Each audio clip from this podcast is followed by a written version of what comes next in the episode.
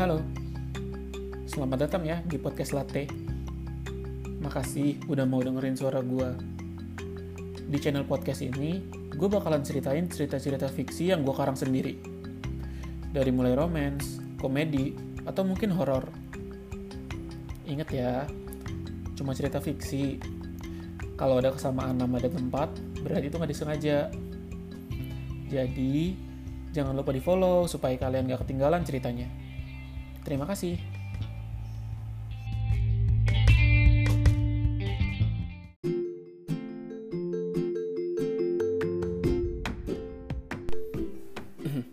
Kenalin, gue Arya. Bohong deng, gue Dino, kakaknya Arya. Aryanya ada tuh di kamar, masih galau gara-gara Mira kemarin. Oh iya, di sini gue mau cerita sedikit. Jadi, tadi pagi itu gue baru aja bongkar lemari gue. Eh, kok lemari sih? Maksud gue laci. Nah terus, di laci itu tuh gue nemuin barang yang bang yang berharga banget buat gue dulu. Slip gaji. Slip gaji pertama yang gue dapetin tahun 2015. Ya walaupun waktu itu gaji yang gue dapat belum full, kalau nggak salah sih sekitar 80 atau 90 persennya aja kali ya. Lupa gue. Soalnya kan status gue waktu itu masih kontrak, belum jadi pegawai tetap. Tapi biar gimana juga gue tetap seneng.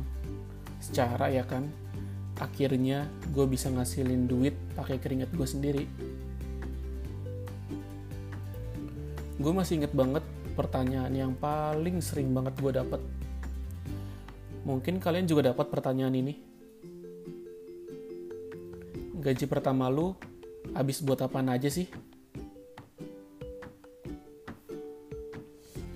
Gue yakin tiap orang pasti punya prioritasnya masing-masing. Banyak temen gue yang gaji pertamanya habis buat neraktir teman-temannya, entah itu makan, minum, atau karaoke.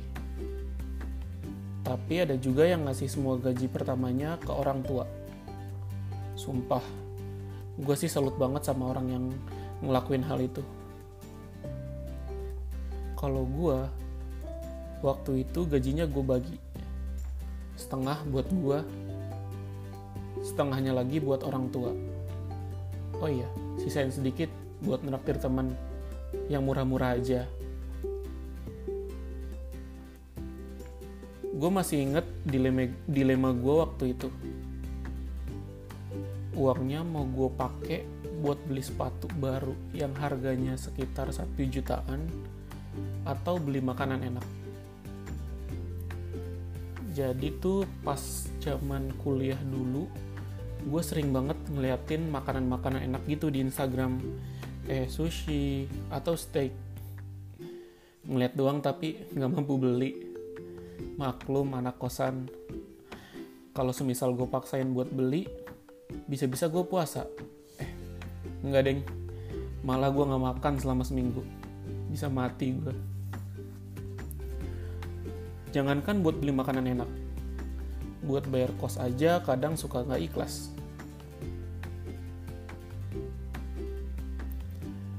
Dan akhirnya setelah dilema yang panjang, gue pun mutusin buat beli jam tangan.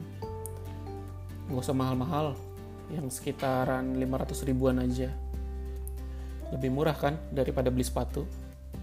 Nah terus sisanya bisa gue tabung deh.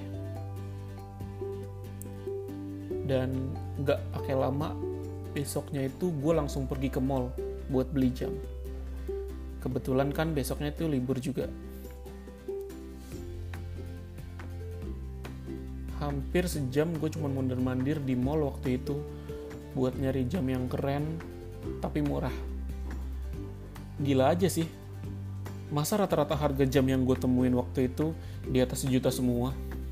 Gak mungkin lah gue beli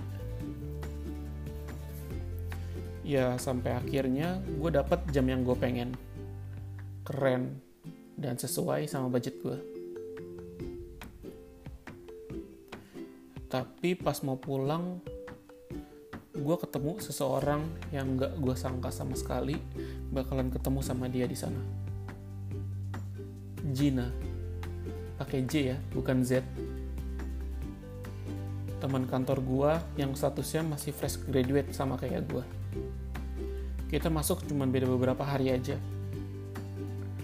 Tapi dia itu di kantor misterius banget. Jarang gue lihat dia ngobrol. Bahkan kalau ada acara kantor, dia jarang ikutan. Sampai beberapa kali dia sempat diomongin jelek dari belakang. Jahat ya orang-orang. Bukan gue loh. Bentar. Kok dia pakai seragam SPG gitu ya?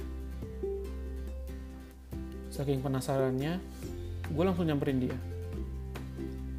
Dan ternyata itu beneran Jina. Gila, gak nyangka banget gue bisa ketemu sama dia di sana. Dan anehnya, dia juga kelihatan kaget gitu pas ketemu sama gue.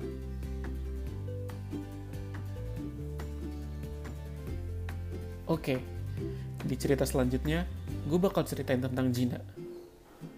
Si gadis misterius. Gadis yang akhirnya jadi jadi deket banget sama gue sampai hari ini. Gadis yang gue sukain secara diam-diam. Sekarang gue mau pergi dulu. Malam minggu soalnya. Sampai ketemu besok ya.